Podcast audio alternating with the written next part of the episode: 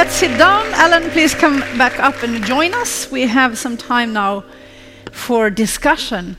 I have many things on my mind. and I will also ask you to ask each other questions and just treat this as a conversation. Cool. But I, I think the things that is on, on top of mind, I think most obviously, is that that a lot of the examples, uh, Alan, that you were talking about, uh, would would tend to to turn towards or or attract uh, what would, in some sense, be be uh, described as elite audiences. Certainly, people who can afford to pay. Not all of the examples, but quite a lot of them. And on your work uh, uh, seems seems again to be turned against again. And these are more perceptions than actual facts, as we saw with the ticket prices, for instance. But but towards audiences who are who are often perceived as as as being less elite or less mm. interested or less able able to pay. So I would ask you both first. When you listen to each other, do you go, "Oh yes, yes, the principles are exactly the same," or is or are the strategies quite different? I was quite interested in your branding because I was like, oh my god, that's. that's I think it's coming from a different perspective, but I was interested in the branding. Mm-hmm. Uh, I was recognizing things, you know, that a body of work in the revolution mix, a body of a, a, a movement, if you like. Mm-hmm. I understand that as a principle. I didn't start with the branding; the work was there, and I had to find a way to present right. it so people can find it. Mm-hmm. Mm-hmm. So it sounds like Eclipse TV almost was a case of accidental branding. Yeah, I just, I mean, Eclipse TV was just me being a bit cheeky, really. But I know that the people that watched, that didn't necessarily come to the theatre, certainly watch TV. So Eclipse TV made sense to me. I knew they were looking online for work. Yeah, well, first of all, congratulations on uh, your amazing work. Uh, you're so brave and and um, focused. It's really inspiring.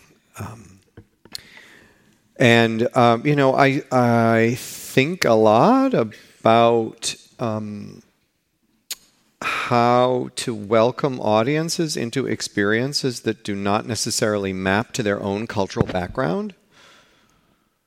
And I think it's uh, um, we have a lot of work to do as a field um, because I still think, at least in the U.S., there are a lot of people. You know, I hear people say, "We wish more black people would come to the opera." And I think, well, actually, why don't you go to salsa dancing more often? And there's, you know, it's, it's like we make, we have to be so careful about making assumptions about what, what culture should be relevant to people mm-hmm. based on their color of their skin and anyway and but welcoming people into arts experiences that reflect diversity of experience is um, is one of the ways that we can help our society heal. Um, but the larger challenge, I've just I've done some evaluation work for a grant program supposedly designed to deconstruct negative stereotypes of Muslims. Uh, and the only people who come to the programs are liberal people who already value diversity and you know so, yeah. so it's like so much harder and i, I just wonder like have you ever had to in your communities been asked to like reach people who actually are not already interested in black theater um, i don't think i appear i don't think i'm reaching for people that want to go to black theatre i think people just want to see work mm-hmm. so that's the first thing mm-hmm. secondly the work that i'm doing is all in mainstream theatre this is not this is not in special spaces or places where mm-hmm. black audiences gather at all mm-hmm. these are people that have got a building on the on the corner of the street that just are not interested in it because the invitation hasn't been specific and the work has been a bit like who the hell's that for mm-hmm. i would go to opera but i i I nearly swore. I hate going to the opera. The reason why I hate going to the opera is because people stare at me like I'm in the wrong place uh-huh. when I go right. to the opera. Yeah. It's not a welcoming environment. Right. I don't like it. And I've been going to, I go to arts things all the time, but I don't like going to the opera. It's horrible. like yeah. people are horrible. Sure. They look at you like you shouldn't be there. So that's why I don't go. Yeah. Frankly, I like it. I play, I listen to a lot of opera at home, but I won't go to the opera because it's a horrible experience. People are snobby, and it's not nice. So that's why I don't go to the opera. So I think it's really interesting. It's about changing the behaviour. The idea that people don't go to um, the theatre because of race is not because of race, it's because they're interested in the work. Right. This work is actually about a history, it's British work and it's black led. That's the difference. That's what I think. Yeah. I think one similarity that in strategies that you were talking about has to do with the with the ambassadors, and in some ways it, it's uh, it sounds.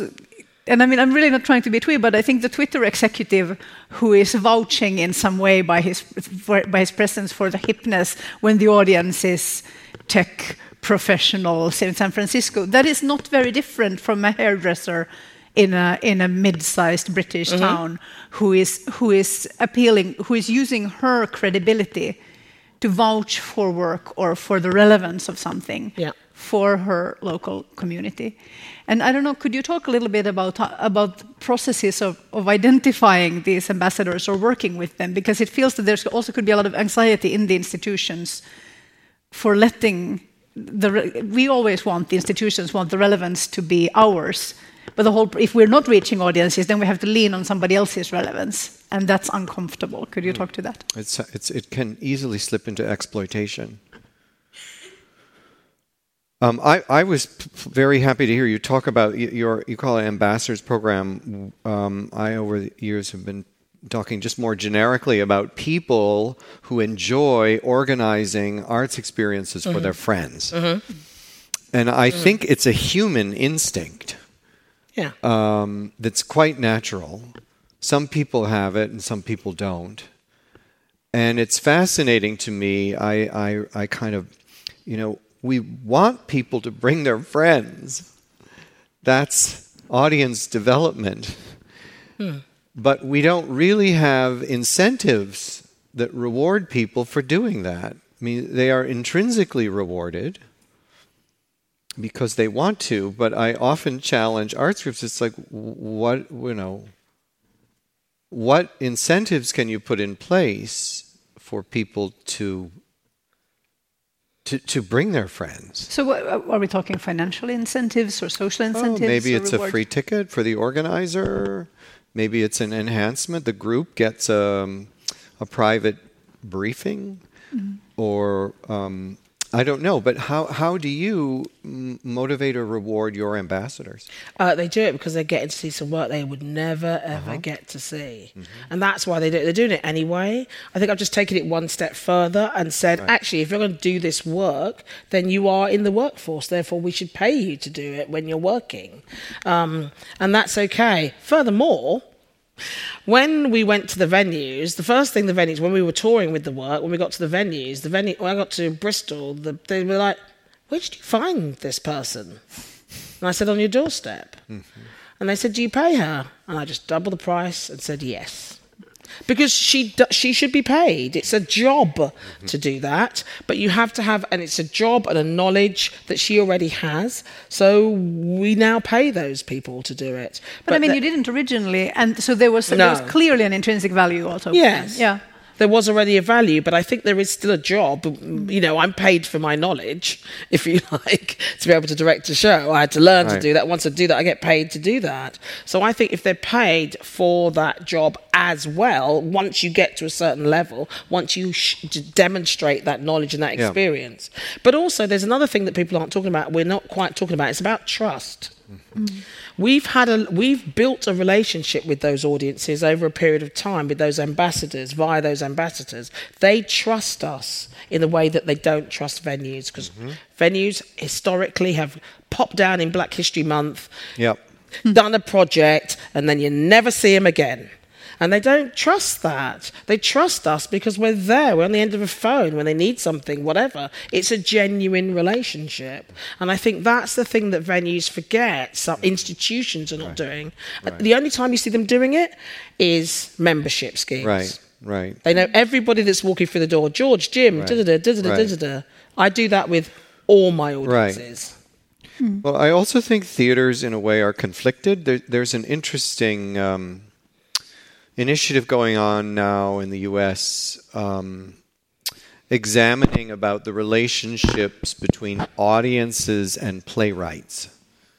And how and the hypothesis is that theaters, of course, are intermediaries between audiences and playwrights, but sometimes they're obstacles. You know, and what would what would what would it look like if theaters encouraged audience members to have relationships with playwrights mm. or visiting companies? Uh, which is not their first responsibility. Their responsibility is to get people to come to their presentations and get loyalty to them. So it's it's kind of controversial, but I could certainly imagine a time when um, when audience members were encouraged to join a playwright's social media feed and to get news from the, a playwright and to really form a sustained relationship with a with a playwright as a, a, a whole other layer of, of, of participation. I will add that Eclipse audiences, mm. Eclipse Newton bookers at 27% are three times more likely to buy mm-hmm. a second ticket in the venue mm-hmm. within six months. Oh. Mm-hmm. That's the other data I didn't get to share today. Mm-hmm. So, actually, once we broker the relationship, mm-hmm. they actually go back to the venue. That's great. And that's that's that's the reality of it because their experience was good. I and then you become the trust. you you leverage trust. your trust for each venue where you trust. show up with. And we encourage them to do that. We encourage them to be comfortable about asking for what they want. In practical ways, do you do you share? No, because they buy their tickets in the ticket system yeah, locally, so a, they have, have the data as well. yeah, exactly. Yeah, yeah, they yeah. get data. And and you have the you have the data of your audiences, but yes. so does the venue. Yeah, uh, I started doing all this development because the venues uh, there's a there's a hidden agenda in that in, the, in that the venues would not share data with us, so we got the data firsthand, and then it went to the venue. Mm.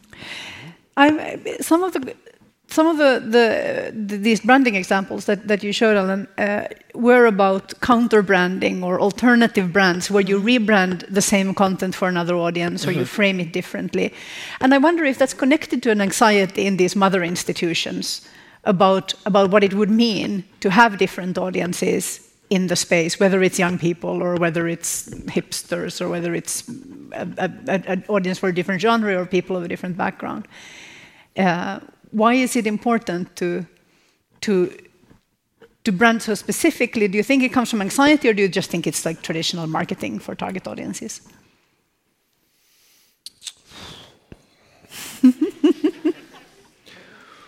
uh, it depends on the organization's commitment to serving diverse audiences. And counter branding, to me, makes sense if the organization has a sustained commitment to serving different audiences. Mm-hmm. And it, it's it's humbling because you realize that your your brand, your institutional brand, might not resonate with a particular segment, or that it's a it's an obstacle for certain people. So then you counter brand. Um, but it's also just good marketing in a way. Like these microsites, um, you can see, I think it's sensoriumdance.com. Um, you know, they're totally different look and feel. Um, um, and and that is for the target audience. So I think it's it's it's difficult. Most organizations want their product brands to reflect the institution because everything in them says I need to always enhance my mother brand. And I, I understand that impulse. I, so I think counter branding is brave, uh, is very brave. Yeah. I still think institutions underestimate their audiences. I, I still think that in, I think that uh, there is in protecting their own brand. I still think that the institution is built to think in one in one particular way. They're structured to be exclusive. So shifting that is massive for them. And I think I don't I don't but I think really what the the rebranding or the counter branding, sorry, forgive me, feels like is appearing to be working with a specialist, if mm. you like, when in fact mm-hmm. Uh, uh, and not being really open about it. So when people, I, I, I think it's really hard for institutions to rethink.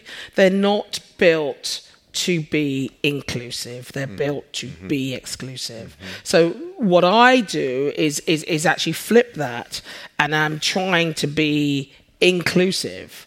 And bringing that and working in partnership with a specialist like ourselves means that those organizations can do it. In a sense counter branding and you can absolutely shoot me down because i'm only learning about it now feels to me and this is with tiny bits of knowledge of, of what i'm starting to hear and understand feels like they're kind of doing a version of it themselves but it's still themselves that are doing it It's it's the way, yeah. and I- how successful. understand do you know what I mean? Yeah, yeah, yeah. So I don't know how. Yeah, in a way, how I mean, honest that I, is. I hate to be, I hate to say it, but um, some of these arts groups are are creating these alternative experiences to get foundation grants. it's all about. Yeah. money, and get it. they are getting enormous amounts of money from private foundations to do these programmatic experiments, which, when the money runs out, They'll go stop. away. Yeah.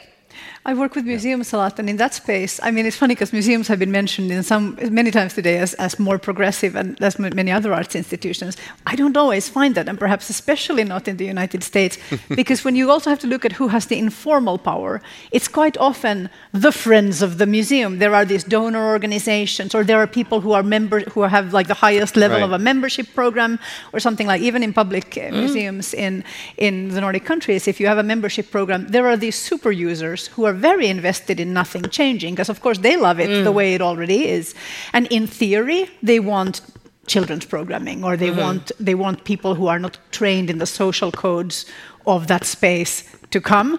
But they don't actually want them there, and they don't want to be there at the same time. Yeah. And then counter branding becomes a big sort of it becomes also a ghettoizing of these audiences instead of mm-hmm. a meeting place. Yes. And- Yeah, that's uh, uh, one view. I'm not saying this always happens, but it, Yes. there's a, there I is mean- a small risk.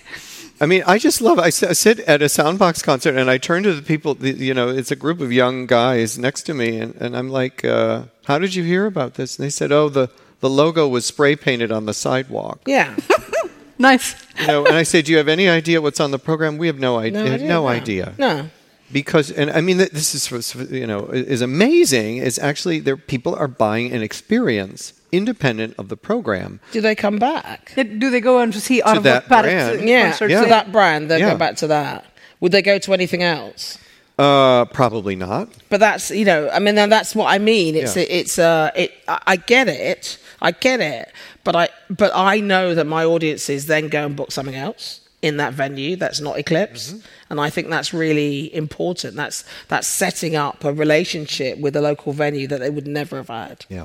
And I guess that goes back to you mentioned on in your spe- speech. You talked about you said something there wasn't a real spirit of relationship, and I like that very much. Now, how good would you say cultural institutions are at r- working with the real spirit of relationship? And I don't necessarily mean here, oh, everything has to be participatory and the, the audience has, Yeah. has to be interactive, but just like having a, having a genuine interest in in who the people are and what their experience is, and having them Yeah. come back, which is sort of built into relationship means over time. Well, it's so different. Uh, You have everything from Eclipse, which is completely focused on relevance to community and audience, and then you have other organizations who are completely unconcerned. And it's difficult. It's been difficult for me uh, as a consultant to accept uh, the legitimacy of institutions that don't really think about audience. Their first allegiance is to the art. Um, that's hard. Um, but um, there's, uh, you know, I just wish every arts group one day a year would just stop working and just interview audience members about why they go out and what they think, what they're thinking, and where are they in their aesthetic journey through life. You know, just one day a year just tune in to real people and what's important to them. And I can guarantee you, because every time I do this, it's revelationary. Arts groups like, oh my God, I can't believe we learned so much. I'm like, you know, people will come for a cookie or a glass of wine and tell you all about what they think about your work and your venue. And And I just think it's such a missed opportunity in our field. Is is it's okay? It's qualitative research, but you don't have to be a trained researcher to have productive interviews with people. Uh, yeah. And, and I get the anxiety about that, but I don't change my art.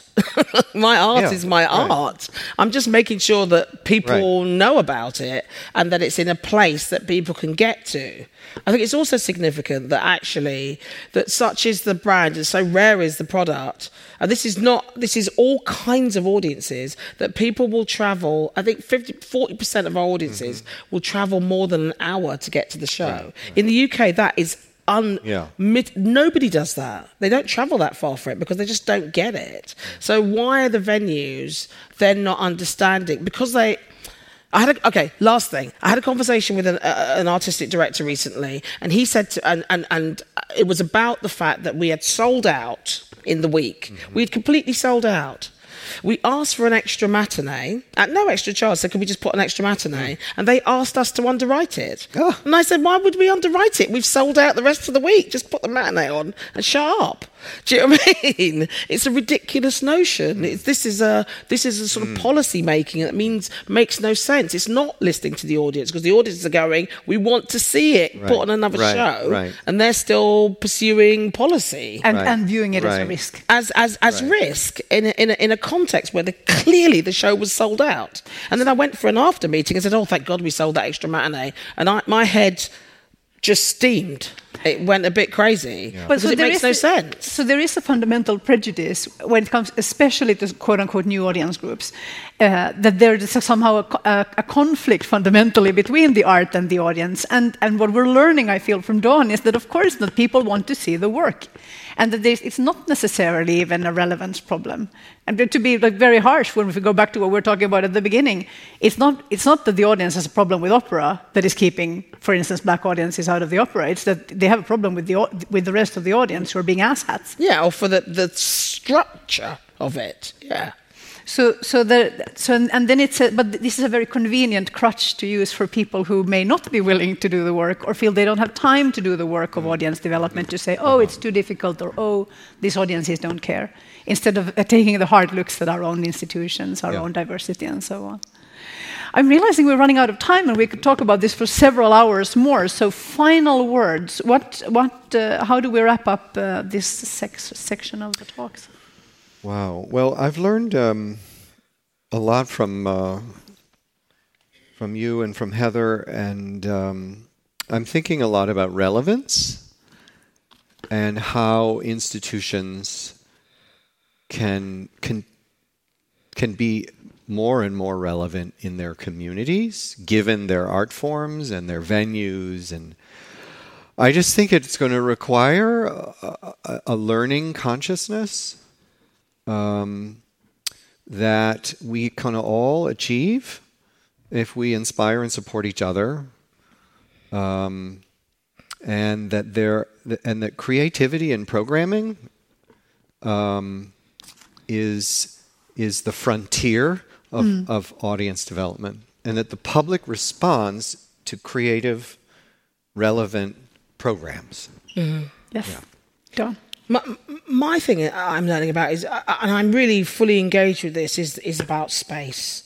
So, so I because I grew up in I was like, I must be bringing those people into those institutions, but I am questioning that slightly.